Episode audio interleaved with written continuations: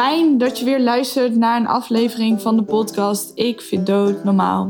In deze aflevering vertelt Romy Barendse haar verhaal over het verlies van haar vader. Precies 41 dagen van tevoren waren ze op de hoogte dat hij zou overlijden. Ze vertelt hoe dit proces voor haar voelde, de speciale getallen die op haar pad zijn gekomen en de gebeurtenissen die erna zijn gepasseerd. Iets meer dan een jaar later kreeg Romy een miskraam, waardoor het verlies van haar vader weer een extra randje kreeg, doordat ze haar ongeboren kindje verloor. Dankjewel Romy voor het delen van je mooie, inspirerende en spiritueel verhaal aan mij en de luisteraars.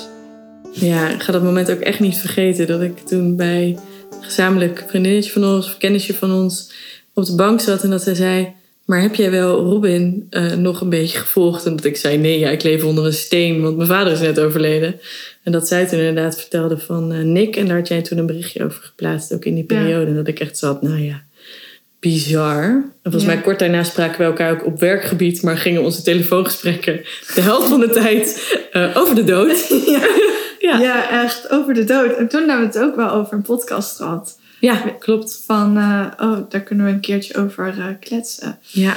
ja, maar ja, wel een super mooi onderwerp. En super mooi dat jij nu deze podcast maakt. En ja.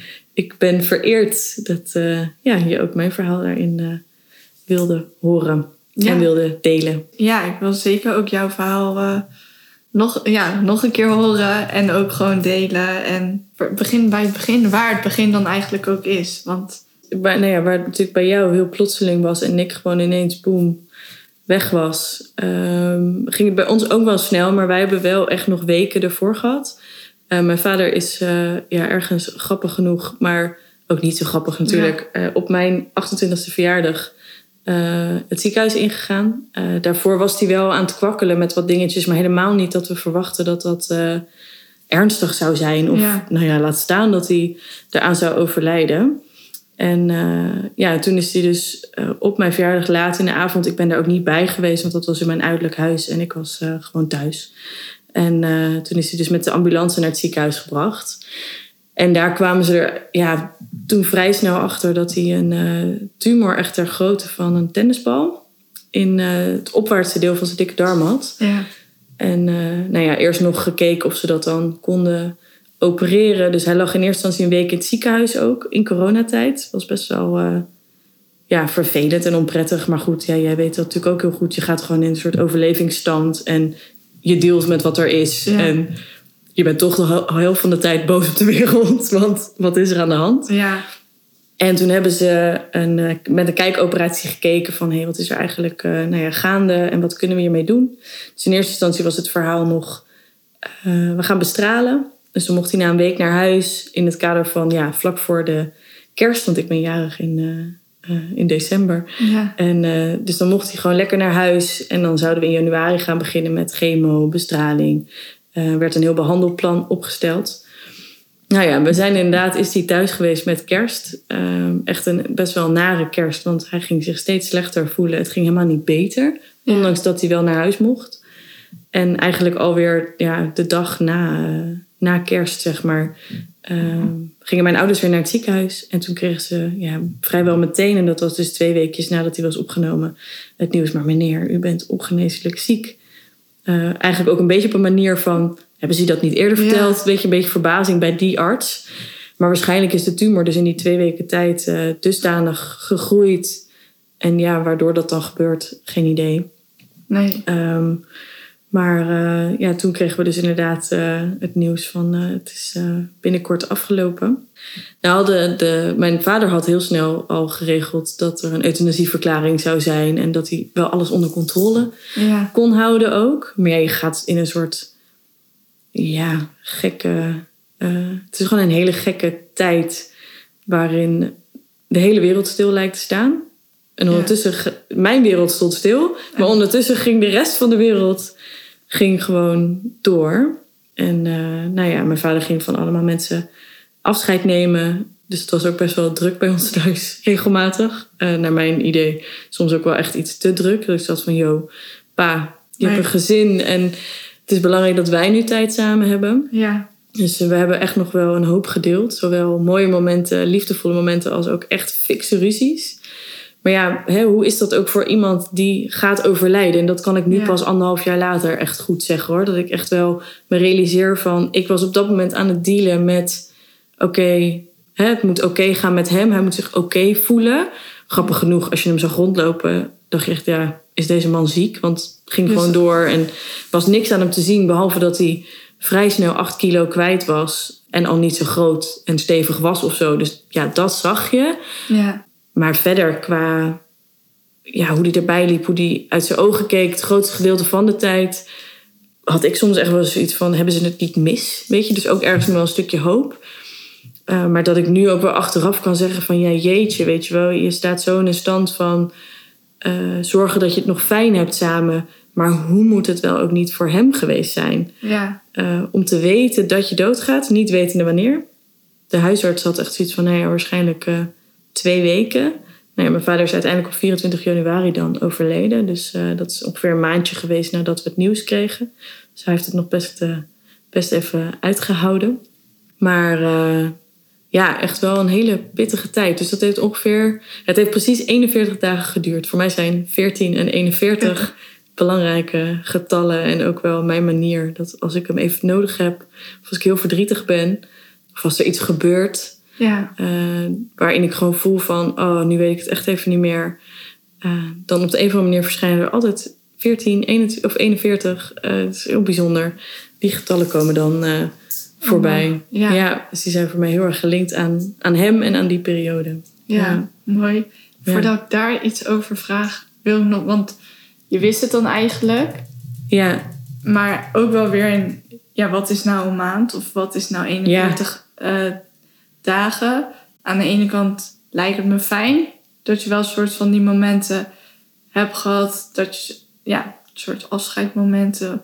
Maar ja, hoe voelde je daarbij? Of ja, besefte je toen al? Of, Ja, het is echt een rollercoaster met hele grote ups en downs. Waarin je, ja, waarin je dus inderdaad momenten hebt van... oh, wat, wat ben je blij en dankbaar dat je dus die periode nog hebt. ja, Ondanks dat je niet weet wanneer het de laatste dag zal zijn. En ik weet wel dat dat op een gegeven moment heel zwaar begon te worden.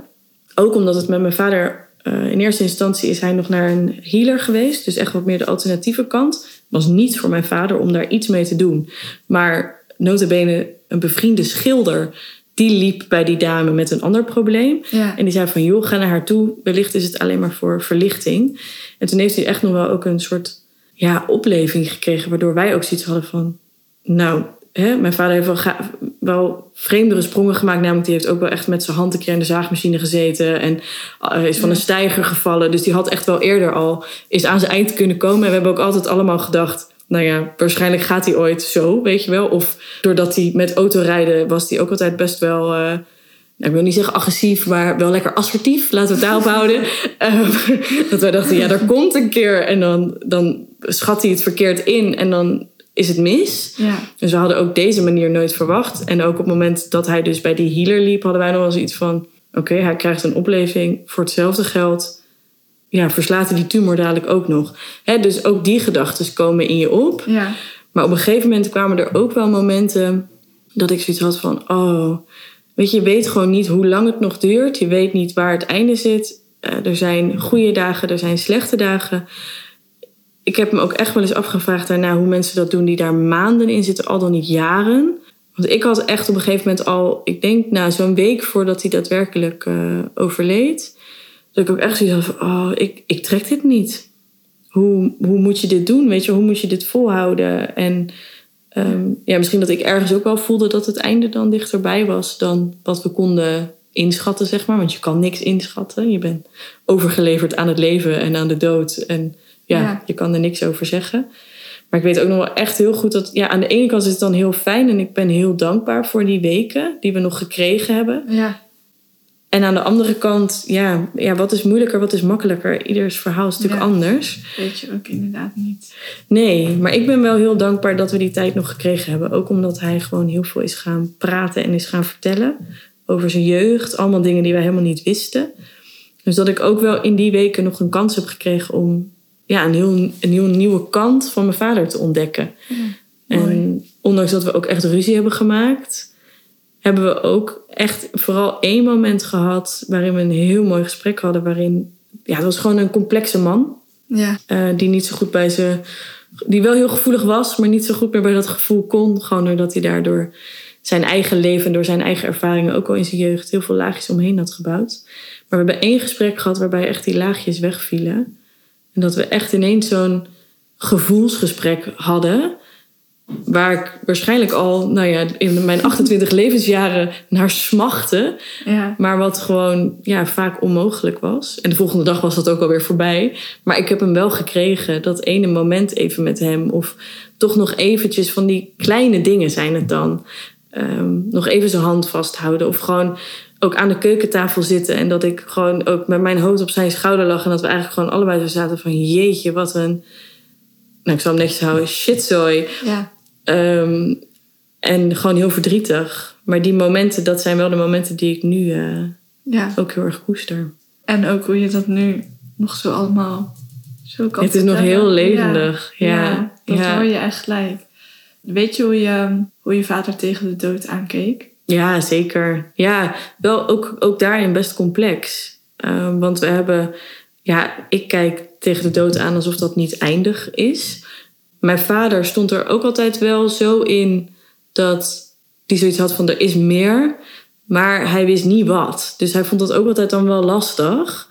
Eh, dus hij had ergens wel zo'n gevoel van ja, oké, maar het was voor hem wel zo toen hij eenmaal naar zijn eigen dood toe ging, was het het makkelijkste waarschijnlijk ook of zo om het draagbaar te maken van ja jongens, ik ben er straks gewoon niet meer. Ja.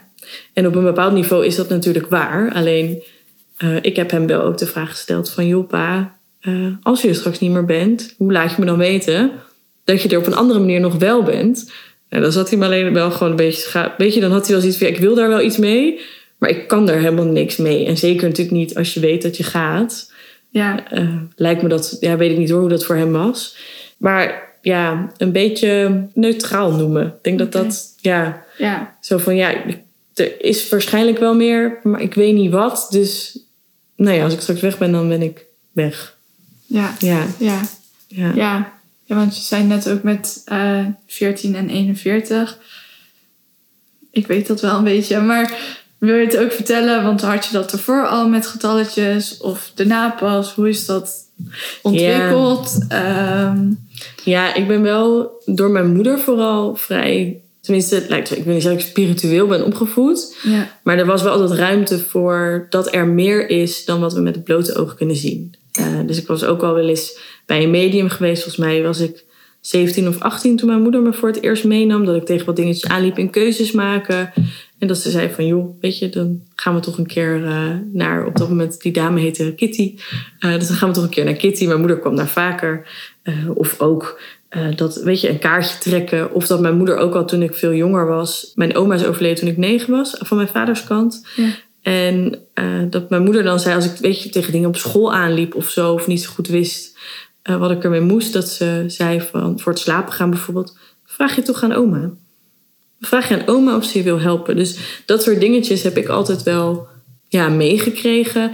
En ook toen ik mezelf op het spirituele vlak gewoon wat meer ging verdiepen en ontwikkelen. Want ja, heb ook wel zo'n periode gehad, studententijd, hè, dat je Ja. er gewoon veel minder mee bezig bent. Dan is het wel, sluimert het wel. Maar ja, is het niet hetgene. Nu is het bijvoorbeeld in mijn leven zo'n beetje. eh, ja, het, het is gewoon normaal. Ik Ja. zou het niet eens meer spiritualiteit noemen. Het is gewoon leven hier op aarde. Maar dan ga je wel ook op een gegeven moment 11-11 bijvoorbeeld is vaak voor mensen een eh, vrij bekende. Wat vaak ook een teken is van hé, hey, je wordt gesteund, je zit op het goede pad. Of er zijn dingen aan het ontluiken in je leven. Dus heel vaak die dubbele getallen of 22, 22. Die zag ik altijd wel. Ja. En ik weet ook nog dat ik echt een periode heb gehad, ook toen ik op reis was, dat ik wat vaker dan ging opzoeken op het moment dat ik bijvoorbeeld dubbele getallen zag. En dan ging opzoeken wat de betekenis was. Maar dan ook wel van, hé, hey, waar dacht ik op dat moment aan toen ik dat getal zag? Oh ja. Zo. Ja. Dat je iets meer duiding krijgt. Dus op die manier speelden getallen wel altijd al een rol. Ehm, maar op mijn vaders overlijden, ja, is dat een beetje gaandeweg zo gegaan. Omdat, ik, ja, ik ben dus op 14 december jarig. Dus daar heb je de 1 en de 4. Daar komt Ja. die 14 een beetje vandaan. Ehm, en 41 dagen later overleed mijn vader in zijn slaap. eh, nadat hij in slaap gebracht was. Dus uiteindelijk is euthanasie is het nooit geworden. Ja. Maar wel stap 1. Alleen in het weekend doen we in Nederland geen euthanasie. Dus eh, hij heeft de kans gekregen om zelf in zijn slaap naar de andere kant te gaan. Of gehaald te worden, hoe je het ook maar wil Ja. Eh, maar dat was dus exact 41 dagen nadat hij in het ziekenhuis in was gegaan. En eh, mijn ouders zouden eh, een week daarna 41 jaar samen zijn. Dat was rond de dag van de uitvaart. En die 41 is steeds teruggekomen. We moesten natuurlijk op het moment dat iemand overlijdt, moet je binnen no time allemaal keuzes maken. Ook voor een rouwkaart, et cetera. En ik weet nog zo goed dat we aan die keukentafel zaten met de uitvaartbegeleider. Mijn vader was net eh, vertrokken, die was netjes Ja. verzorgd en was het eh, huis uit. En ehm, we moesten een tekstje kiezen voor op die rouwkaart. En wij zaten daar, eh, mijn moeder, mijn broertje en ik. En ik was met iets anders bezig. Dus ik zei tegen mijn moeder en broertje van... joh, kijk jullie even voor dat tekstje voor die rouwkaart. En dan kunnen wij even iets anders doen. Want hè, het zijn 10.000 keuzes. Je gaat gewoon... Ja, nou ja, jij noemt het wel eens. Hè, het is alsof je in een film zit. Dat je Ja. ook denkt, wat gebeurt er allemaal? Je voelt je een beetje alsof je geleefd wordt. En toen waren zij dus al die tekstjes aan het bekijken. En ik zag ook al aan mijn moeder dat... Nou ja, dat ging helemaal niet. Dat was helemaal niet een optie om daar op dat moment mee te dealen. En ik weet nog dat ik zei, kijk even bij nummer 41. En het was het perfecte tekstje. En we hebben twee woorden aangepast. En die ging zo op de rouwkaart. En ja, hij is in 2021 overleden. Dat was 41. Zijn we pas veel later achtergekomen Oh, hoor. Dat ja. je echt later denkt, wow, 20, 21, samen 41. Ja. De geboortedatum van mijn oma, 29 6 eh, 1906, is samen 41. Kwamen we ook pas veel later achter. Maar ook gewoon kleine dingen als ineens dan eh, voor een huis parkeren. Ik had het van de week nog. Ik was best wel verdrietig. Ik kwam aan eh, bij mijn vriend en ik parkeerde daar de auto. Er was één plekje vrij. Dat is nogal eh, knap. Eh, hij woont eh, in Scheveningen en het is gewoon moeilijk parkeren, zeker in de zomer. En ik parkeer en ik zie zo eh, huis nummer 41. Of als ik met een vriendin aan het bellen ben en dat was een paar weken terug. En toen hadden we het even over mijn vader. En ik steek over, want ik was aan het bellen met haar terwijl ik een wandeling aan het maken was. En ik steek over waar ik nooit oversteek. Was ook nul reden toe. Was volgens mij omdat er een paar mensen voor me liepen. Dat ik dacht, nou geen zin om achter te lopen. Ik ga hier, eh, steek ik even de straat over. En dan loop ik ook zo recht op nummer 41 af. Dus altijd van die, van die tekenen. En zo hebben we ook nog gehad dat mijn eh, moeder na een paar weken na zijn overlijden... zei ze ineens, oh volgens mij ligt zijn iPad er nog. Waar hij altijd dan... eh, hij speelde potje klaverjas op de iPad. Heel veel meer kon hij er niet mee. Want Ja. ja, eh, was gewoon niet zijn ding, techniek zeg maar. En dat ze die erbij pakte. En dat hij ook op 41% stond. Een paar weken na zijn overlijden.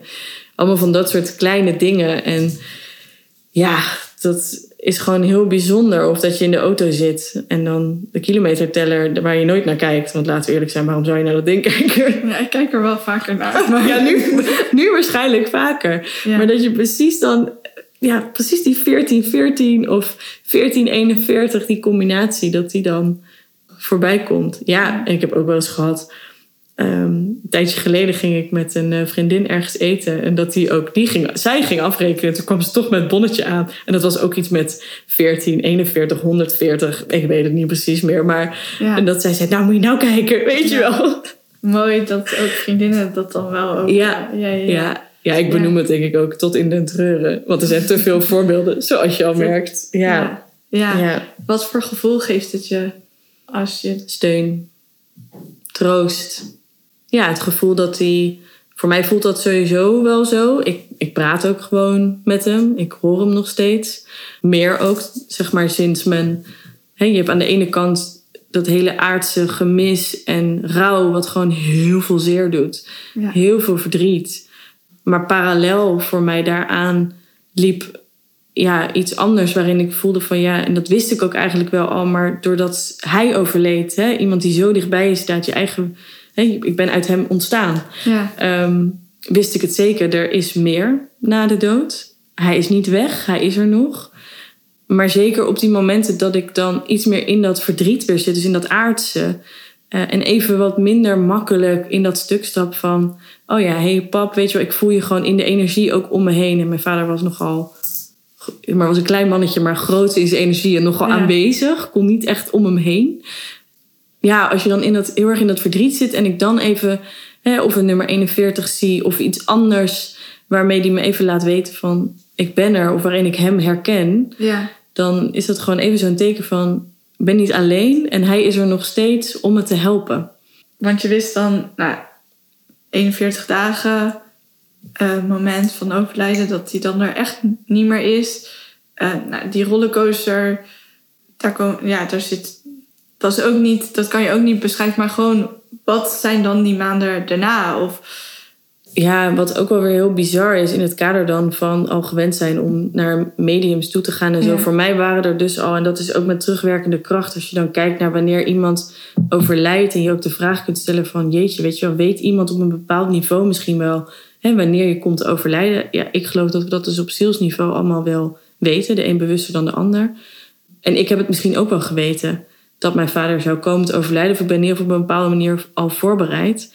Doordat ik dus ook dingen op mijn pad kreeg. eh, gevoeliger werd. Meer dingen ging horen. In de zin van bijvoorbeeld bij een vriendinnetje waarvan haar vader was overleden. Dat ik ineens zijn aanwezigheid in de ruimte voelde. En voor haar dingen kon ja, vertalen kun je het bijna noemen, zeg maar. Want het is Ja. natuurlijk niet letterlijk één op één. Was het op dat moment niet.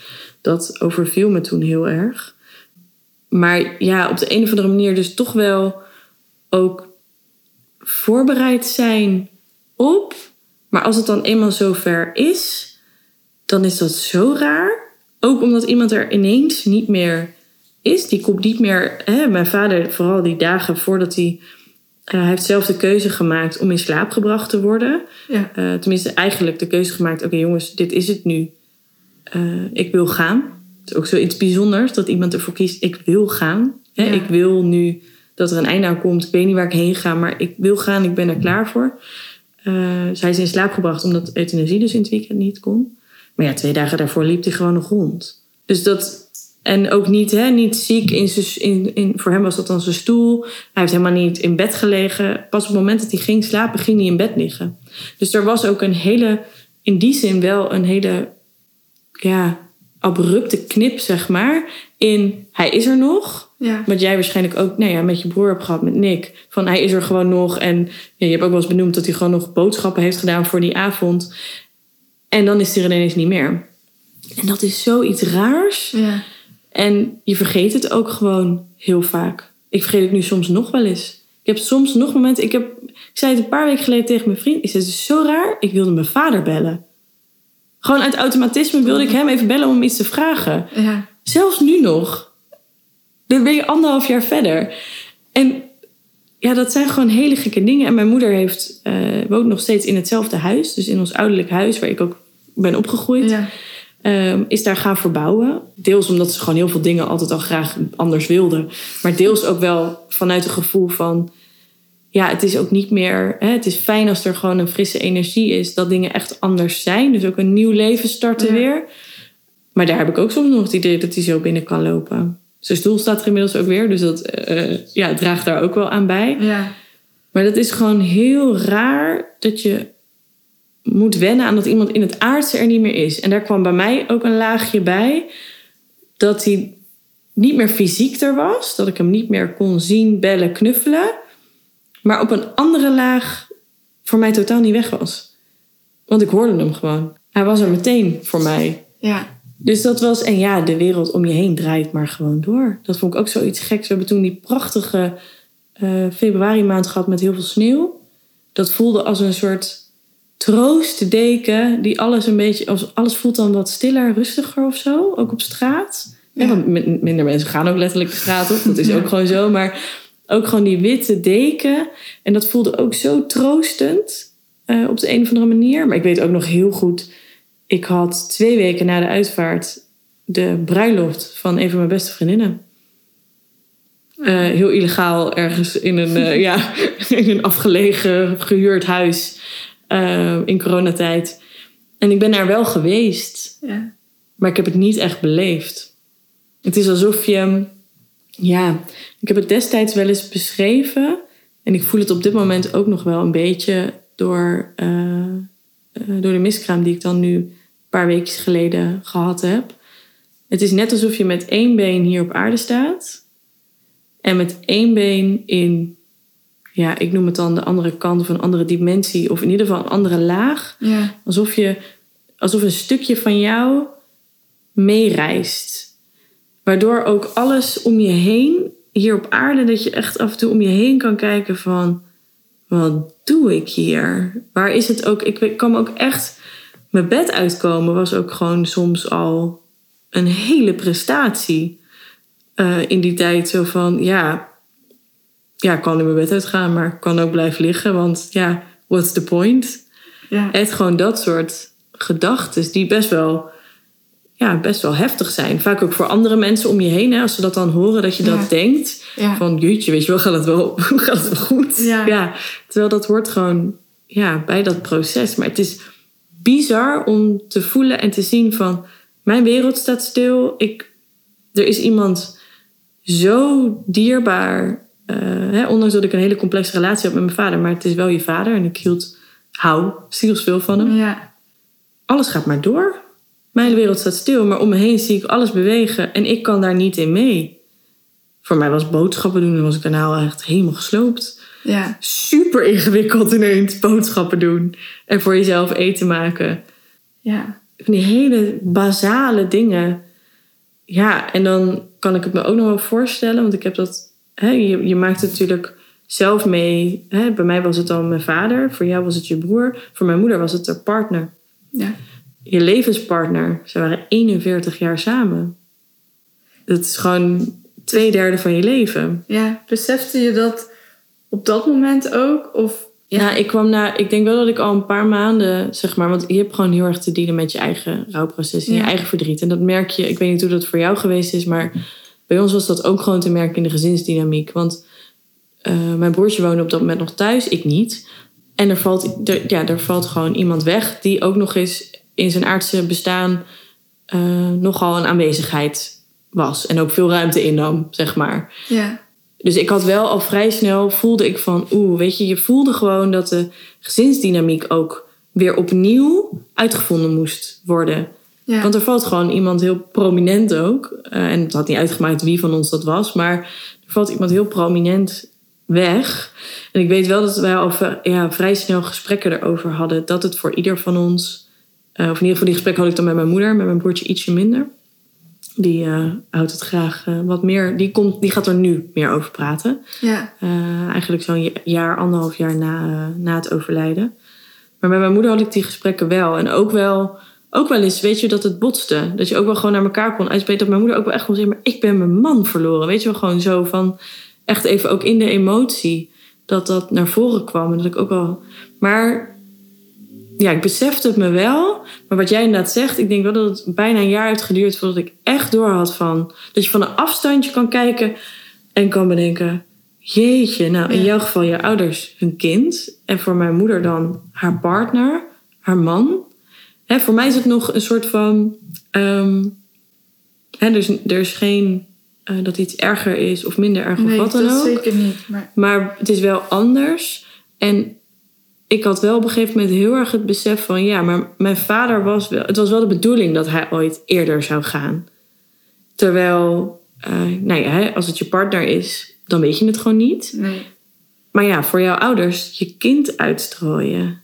Ik denk dat er weinig... Ja, ik heb nu een klein eh, mini-proefje er dan van gehad... hoe het is, zeg maar, Ja. om iets te verliezen... wat eh, in ons geval dan eh, ja, nog niet eens ter wereld is gekomen... omdat het een miskraam was. En bij tien weken, hè, dat gebeurt gewoon superveel. Het gebeurt bij 20% van de zwangerschappen. Maar dan nog, je houdt al ontzettend veel van iets. Je bent al vooruit aan het kijken naar dat dat straks... dat je daar een gezinnetje mee gaat vormen. En op de een of andere manier zorgde wel ook de miskraam ervoor... dat, dat deed zoveel zeer, nog steeds. Hè, Ja. dat is niet nu in één keer weg... Ehm, dat ik me wel realiseerde van... oh ja, weet je, daar zit ook een verdriet nog. Hè, een stuk rouw, want je houdt nooit op met rouwen. Ja. Het wordt anders, maar eh, je draagt een verlies altijd met je mee. Ja. Maar dat ik wel voelde dat ook het rouwen om mijn vader door de miskraam een diepere laag kreeg. Oh ja. Dat het ja. toch op andere laagjes je dingen gaat voelen. Je ook weer andere dingen beseft. Ja, dus toch de dood weer op een hele andere manier meemaken. Kan je die andere manier... Ja, je moet dat denk ik voelen. Maar Kan je hem Ja. uitleggen of is... Ja. Ja, het, maar het zit hem denk ik vooral ook wel in het... Bij mijn vader kregen we het nieuws. Eh, was het super onwerkelijk, want het was gewoon een super sterk, fitte man. En ineens ging hij dood. Ja. Nou ja, dat is ook raar. En in het geval van de, de miskraam was het... Het was er al niet meer. Het was er al twee weken niet meer toen wij het te horen kregen. En dat was vooral heel gek, omdat je afscheid neemt van iets wat je, waarvan je wel weet dat het in je groeit. Ja. En dat je er al van houdt. En het is net zo goed een ziel die, eh, ja, die onderdeel is van je reis. Hier, je reis hier op aarde. Ehm, maar tegelijkertijd, ja, ik ben heel blij, laat ik het zo zeggen, dat wij ook wel met de miskraam uiteindelijk het eh, kindje hebben gezien. Ook al was het maar 2,5 centimeter.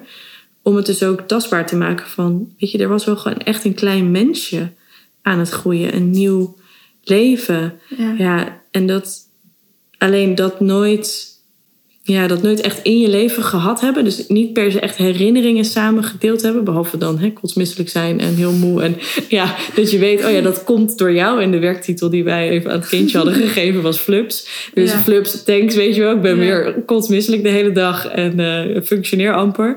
Maar goed, ja, ook daar afscheid van nemen doet, doet heel veel zeer. Alleen, eh, je hebt daar niet al heel veel jaren mee gedeeld. Dat is wel heel anders. Ja. Alleen het voelde wel oneerlijker op de een of andere manier. Het voelde oneerlijker dan het overlijden van mijn vader.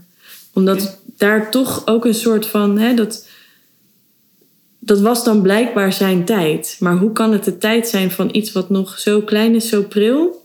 Ja. Wat aan de ene kant hè, eh, wel ontstaat, maar dan op een gegeven moment stopt gewoon het hartje. Want Ja. het hartje is gewoon gestopt. Er is Ja. verder niks geks gebeurd. En dat gebeurt heel veel. Eh, gelukkig eh, is de natuur zo wijs dat er waarschijnlijk iets niet goed geweest zal zijn, waardoor het gestopt is. Maar ik moet ook wel zeggen, eh, het is echt voelen. Als het om een miskraam gaat, Ja. dat weet ik ook wel, omdat ik heb hiervoor ook wel eens naast iemand gestaan die dan net door een miskraam was gegaan. En je snapt er geen reet van. Dat weet ik nu, hè? Dat zeg ik even zo heel plat. Ja. Op dat moment wist ik niet dat ik er geen reet van snapte. En dat je echt niet weet waar iemand doorheen gaat en wat hij voelt. Ja. Nu kan ik dat wel zeggen, want ik merk het ook aan de mensen om me heen. Als je het niet hebt meegemaakt, ja, het Ja. is zo niet te bevatten wat er met een vrouw gebeurt wanneer je zwanger wordt. Ehm, als je dat zelf nog niet hebt meegemaakt, zeg maar. Laat staan wat er gebeurt als je een miskraam krijgt. Ehm, ja, maar goed, het is, het is nog steeds het is de dood. Ja. Eh, alleen ja. anders. Maar ben je er anders tegenaan gaan kijken? Zeker. Ja. Ja, pas, ik denk ook dat dat pas kan op het moment dat je het van zo dichtbij meemaakt. En dus iemand zo dierbaar verliest. Hè. Wat jij ook zegt. Ik heb op magische wijze in de afgelopen paar jaar eh, vrouwen om me heen verzameld die allemaal al hun vader waren verloren. Dat wist ik. Maar pas Ja. op het moment dat ik zelf, eh, dat mijn vader overleed, dan voel je hem echt. En dat heb ik ook echt naar hun uitgesproken van holy moly. Hè, de een toen ze 17 was, de ander toen ze 24 was. Nou ja, zo zijn er nog wel een paar. Ja. Ehm, dan pas realiseer je dat. En tegelijkertijd, ja, als ik nu, hoe ik nu tegen de dood aankijk, er zijn heel veel dingen voor mij bevestigd door het overlijden van mijn vader. In de zin van dingen die ik altijd al eh, wel dacht dat ze zo zouden zijn of zo voelde. Eh, dat, ja, dat stukje van hè, dat de dood niet eindig is. Ik, voor mij is de dood, het is een einde van het leven wat je nu in deze aardse incarnatie hier geleefd hebt, die stopt. Je lijf stopt, je kopje stopt ermee. Maar je bewustzijn, je ziel, die is oneindig. En daarmee kun je gezellig weer een leventje gaan leiden. Nou ja, goed, daar kunnen we een hele aparte podcast weer over opnemen. Ehm, maar het heeft me vooral doen inzien dat de dood misschien wel onze grootste leraar is hier in het leven. Want er zijn heel veel mensen die een bepaalde angst hebben voor de dood. Maar waar ben je dan precies bang voor? Ben je dan echt bang om dood te gaan? Want wat, ja, waar ben je dan bang voor? Hè? Sommige mensen noemen dat dan. eh, ik heb dat een tijdje geleden gevraagd, ook op Instagram. En dan kreeg ik 10.000 verschillende antwoorden. Toen dacht ik, oh, dit moet ik misschien niet meer doen. Maar ehm, er waren veel mensen die zeiden: ja, ik ben bang voor dat zwarte gat wat er dan is. Ja. Ja, ik geloof niet in dat zwarte gat. Maar zelfs als dat zwarte gat er dan is, is dat dan een gat van verdoemenis? Geloven we daar nou echt in? Ja. Eigenlijk slaat het ook nergens op hè, dat we denken dat dat gebeurt. Want je hebt zoiets dat heet de wet van energiebehoud. Het is gewoon letterlijk een wet. Die zegt, alles in het universum... ook al weten we nog niet hoe groot dat precies is... Hè, dat, dat kunnen we ons nog niet helemaal beseffen... maar er is een wet van energiebehoud die zegt... energie kan niet zomaar weggaan. Kan niet, verdwijnt niet. Alles blijft in dat universum Ja. bestaan. Het kan alleen wel van vorm veranderen. Dus ik kijk ook naar de dood van oké, ja, je stopt met bestaan in de energievorm die we nu zijn, dus in een, in een incarnatie van een mens, en je wordt een andere energievorm. Ja. En daarmee verdwijnt dus ook niemand. Iedereen blijft, nou noem het dan sterrenstof, in een bepaald sterrenstof in energiedeeltjes bestaan.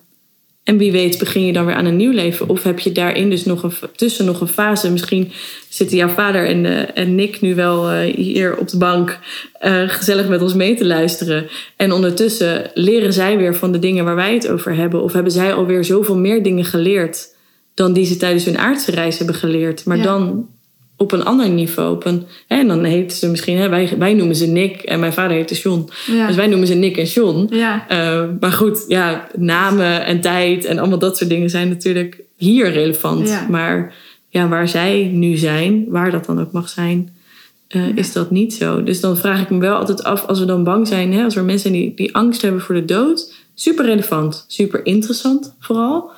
Uh, voor jezelf ook, moeilijk ook, lijkt me. Maar ben- zijn we dan niet vooral gewoon heel erg bang om te leven, om echt te leven? Dus dan is er ook wel de vraag die je dan kan stellen. Hè. Ik stel graag vragen. Dat Ja. vind ik altijd leuk.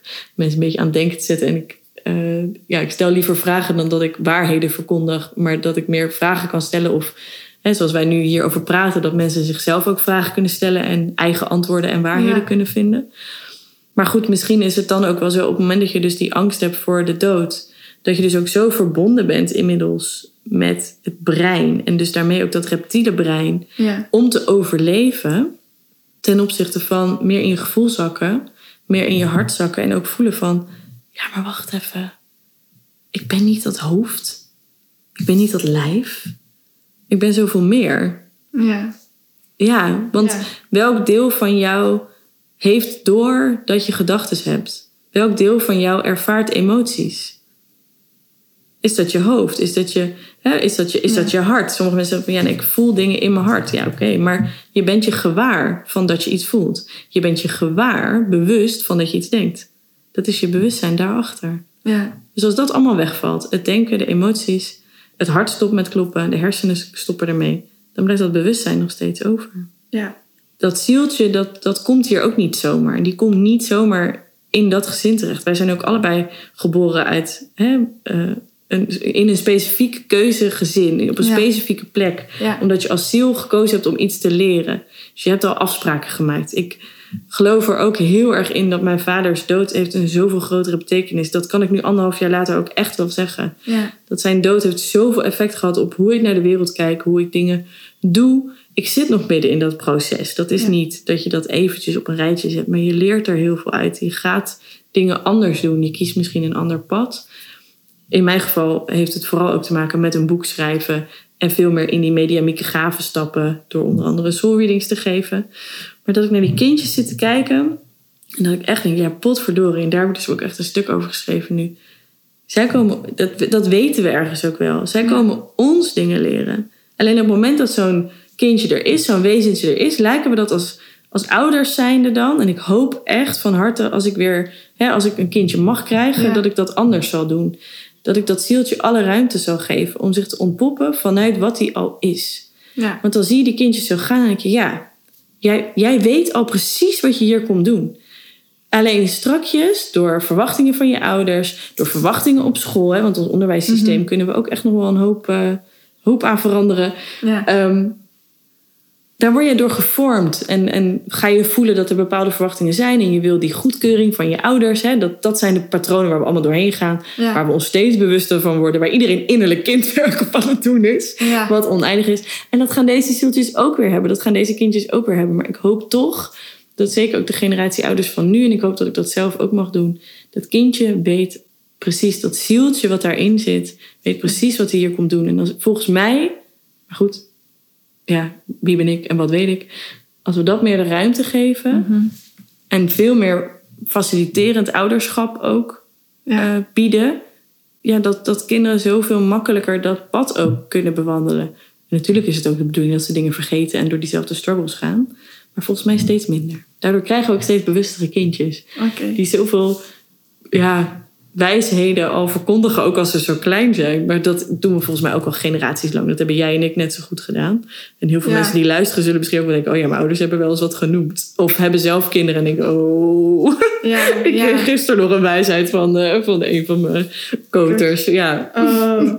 En dan moet je dan eigenlijk opschrijven of eh, dat je het dan ja weet nog. dat zou heel mooi zijn. Ja. Ja. Ja, je zei net, ehm, en dat wordt dan de laatste vraag. Je bent zo gek dol op, op vragen. Zou er, is er een vraag die omhoog popt dat je denkt, oh, dat zou ik wel de luisteraars mee willen geven over de dood? Mm. Komt er eentje omhoog? Ja, ik denk alleen al dat door de podcast die jij nu maakt, met alle verhalen van iedereen, daar zullen ook mensen naar luisteren die waarschijnlijk iemand verloren zijn. Eh, dus ik denk dat daarin sowieso wel gewoon een mooie vraag is om voor jezelf eens in te checken. Ik denk dat we daar best wel snel in onze drukke maatschappij aan voorbij gaan. Mocht je iemand verloren zijn of op een andere manier een heftige gebeurtenis hebben meegemaakt, hè, want we gaan uiteindelijk allemaal met iedere heftige gebeurtenis die er gebeurt, ga je eigenlijk ook een beetje dood. Of gaat je ego een stukje Ja. dood. Ja. Afhankelijk van hoe je ermee omgaat. Hoe heeft dat je, als je nu terugkijkt, welke dingen zijn er dan veranderd? Welke keuzes heb je misschien anders gemaakt? En hoe heeft het je beïnvloed en gebracht waar je nu bent? Want naar mijn idee geeft dat ook heel veel troost om dan te zien van wow, juist doordat diegene hè, ergens anders heen is gegaan, overleden is, Ja. heeft dat mij wel ook dit op mijn pad gebracht. Deze lessen of deze keuzes. Ehm, om juist ook diegene die overleden is te eren. En ja, daar een stukje extra dankbaarheid Ja. op te kunnen geven. Dus die vraag ga je zelf stellen. Van wat is er veranderd? Wat heeft het me ook gebracht? Ook al zit je misschien nog midden in het verdriet als je nu net een maand geleden iemand verloren hebt. Dan is het wel echt even een stukje moeilijker. Dan mag dat verdriet er ook gewoon helemaal zijn. Want dat is Ja. ook gewoon super belangrijk. Dat is wel iets wat ik soms lastig vind, hè, als we het meer vanuit het spirituele oogpunt bekijken. Het is niet allemaal licht en liefde. En het is niet allemaal zo omdat mensen, hè, omdat we dat idee hebben van iemand gaat ergens anders heen en is niet weg. Neemt niet weg dat het hier gewoon fucking veel zeer doet. Ja. Iedere keer weer. Ook als je denkt dat het na twee jaar weer wat beter gaat. Ik geloof er heilig. Ik ben ervan overtuigd dat ik straks ook weer een lage rouw krijg waarvan ik denk, jeetje mina. En misschien komt het pas over vijf jaar. Omdat het dan weer getriggerd wordt. Ja. Ja. Maar het Nee. geeft wel troost om er ook op een andere manier naar te kijken. En die twee samen, Ja. dat lijkt me heel mooi als we daar meer, mee, eh, meer naartoe Ja. kunnen. Dankjewel voor het luisteren van deze aflevering. We praten over de dood, verlies en rouw. Maar voor mij laat het vooral zien dat ieder persoon een verhaal heeft. En dat je niet weet als je buiten op straat loopt wat de ander heeft meegemaakt. Herken je jezelf hierin? Heb je ook een verhaal wat je graag wilt delen? Of wil je gewoon even contact zoeken? Dan kan dat zeker. Stuur mij een berichtje op het Instagram-account. Ik vind dood normaal. En hopelijk spreek ik je snel. Of luister je de volgende aflevering. In ieder geval, super dankjewel. En ik wens je een hele fijne dag.